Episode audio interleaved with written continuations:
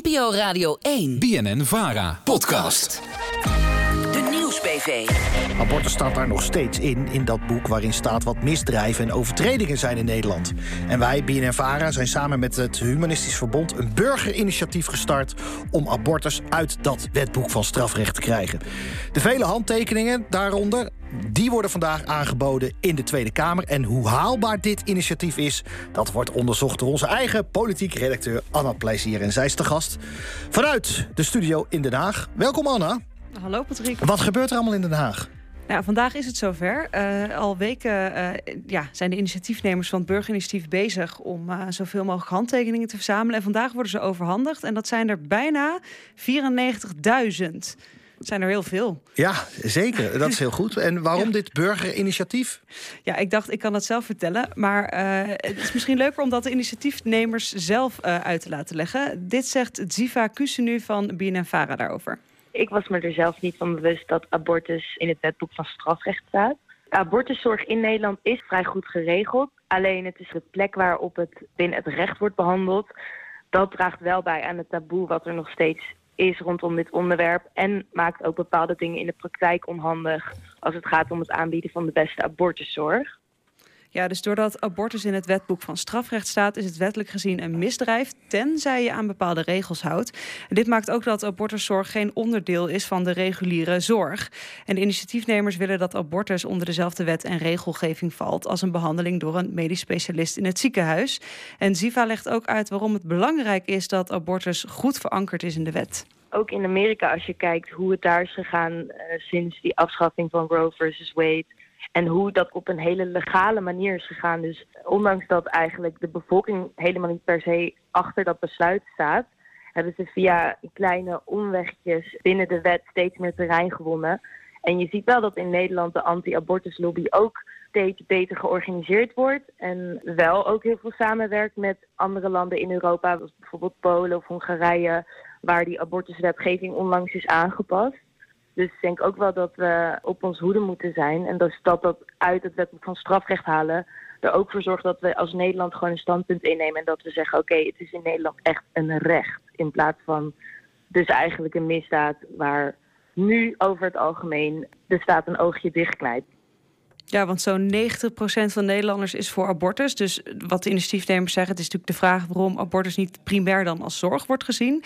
Maar we het zwaarste middel, namelijk het strafrecht, als uitgangspunt nemen. Ja, en wordt dit nou voor het eerst besproken in de Tweede Kamer? Uh, er is iemand die hier al wat langer voor strijdt. En dat is Corinne Ellemeet van GroenLinks. Zij is daar Kamerlid. En ik sprak haar waarom zij wil dat abortus dus uit het wetboek van strafrecht gehaald wordt. Abortus is zorg uh, in eerste instantie. En nu is het vertrekpunt van abortus strafrecht. Dus dat heeft zo'n andere betekenis voor artsen die hiermee bezig zijn, voor vrouwen die kiezen voor een abortus. Dus het zou echt ontzettend goed zijn als het uit het wetboek van strafrecht wordt gehaald. Snapt u ook de kritiek dat mensen zeggen: nou ja, we hebben al hele goede zorg in Nederland voor vrouwen die een abortus willen ondergaan. Uh, en als het, het wordt pas strafbaar als ze zich niet aan de regels houden die wij hebben gesteld in Nederland. Dus ja, waarom zou het er dan eigenlijk uit moeten? Nou, als je met abortusartsen spreekt, dan hoor je ook vaak dat zij zich toch weggezet voelen als een aparte beroepsgroep in negatieve zin. Dus ze zeggen we worden op een andere manier gefinancierd. Uh, er hangt toch steeds een taboe op de zorg die wij geven. Dus ze hebben er wel degelijk gewoon ook in de dagelijkse praktijk van hun werk last van. En toch ook heel veel vrouwen ervaren nog dat taboe. En nou ja, dat kan je natuurlijk niet loszien van het feit dat het in eerste instantie iets is wat, uh, waar je strafrechtelijk voor vervolgd wordt. Dus ik snap heel goed de zorgen die en de artsen hebben en de vrouwen. Dus ondanks dat Ellemeet het al eerder geprobeerd heeft, is het haar niet gelukt. En waarom is het haar niet gelukt?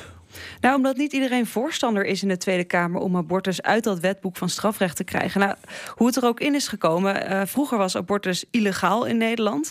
En van daaruit zijn die regels dus liberaler geworden. Hebben we gezegd, nou ja, we gaan toch kijken of er uitzonderingen voor zijn. Zodat vrouwen wel op een veilige manier een abortus kunnen ondergaan. Maar ja, dat, dat wetboek van strafrecht, dat is nog steeds een uitgangspunt. En er zijn wel veel partijen die zeggen, nou, dat is eigenlijk best wel goed.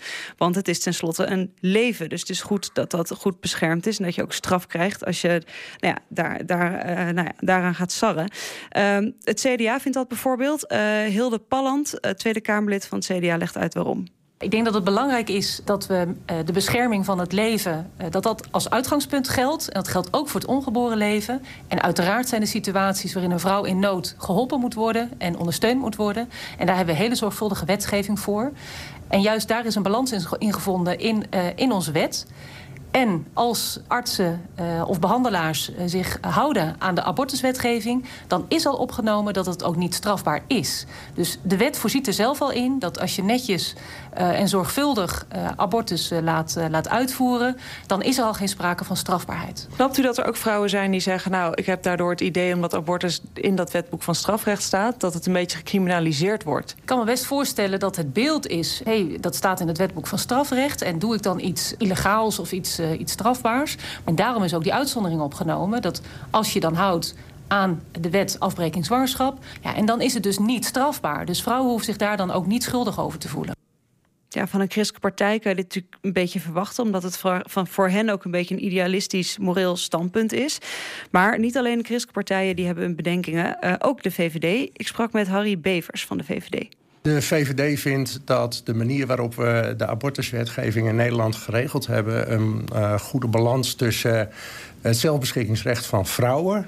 en de bescherming van ongeboren leven.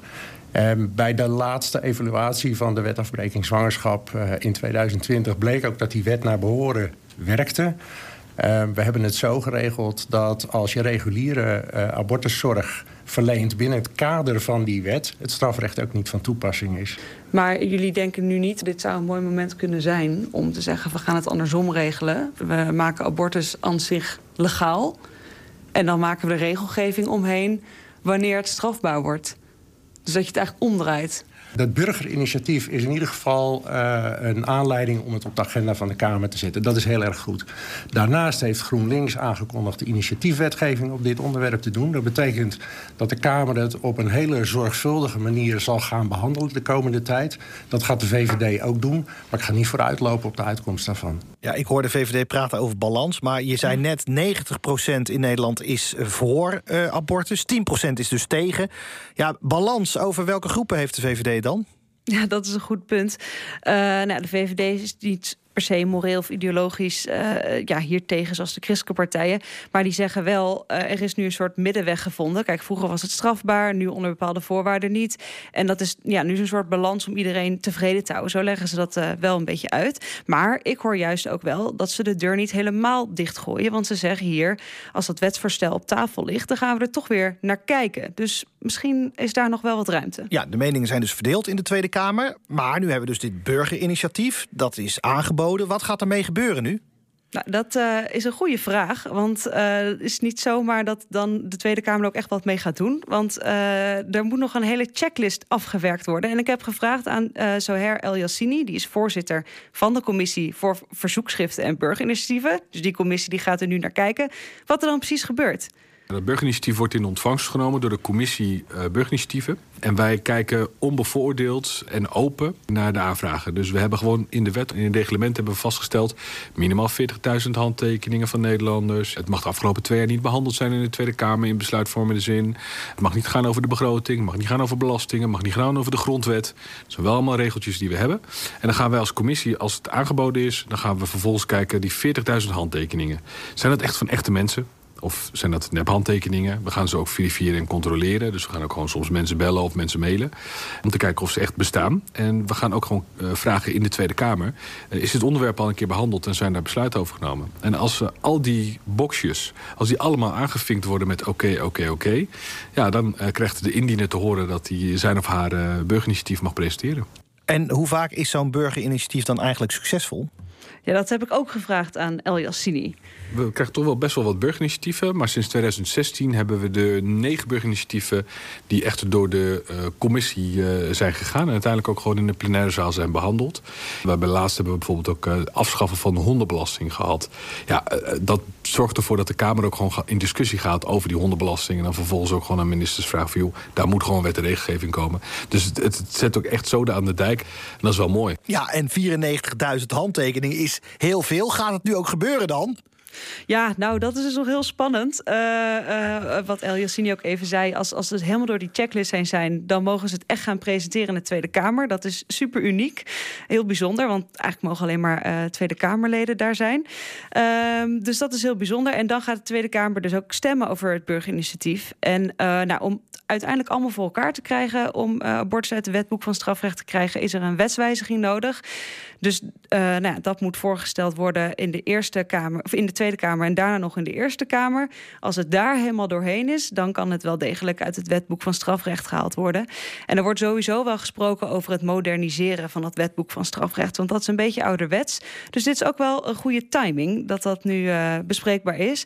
En het is ook wel eens eerder gebeurd dat er iets uit het wetboek van strafrecht is gehaald via de politiek. Um, ik denk dat het meest bekende voorbeeld is dat homoseksualiteit. Uh, uit het wetboek van strafrecht gehaald Nou, het zou ook wel mooi zijn dat de baarmoeder niet meer gebruikt wordt als politiek ideologisch twistpunt, toch? Ja, dat zou heel mooi zijn. Maar gewoon dat goede zorg ook voorop staat. Yes. Kijk, bedankt Anna Plezier, onze eigen politieke redacteur.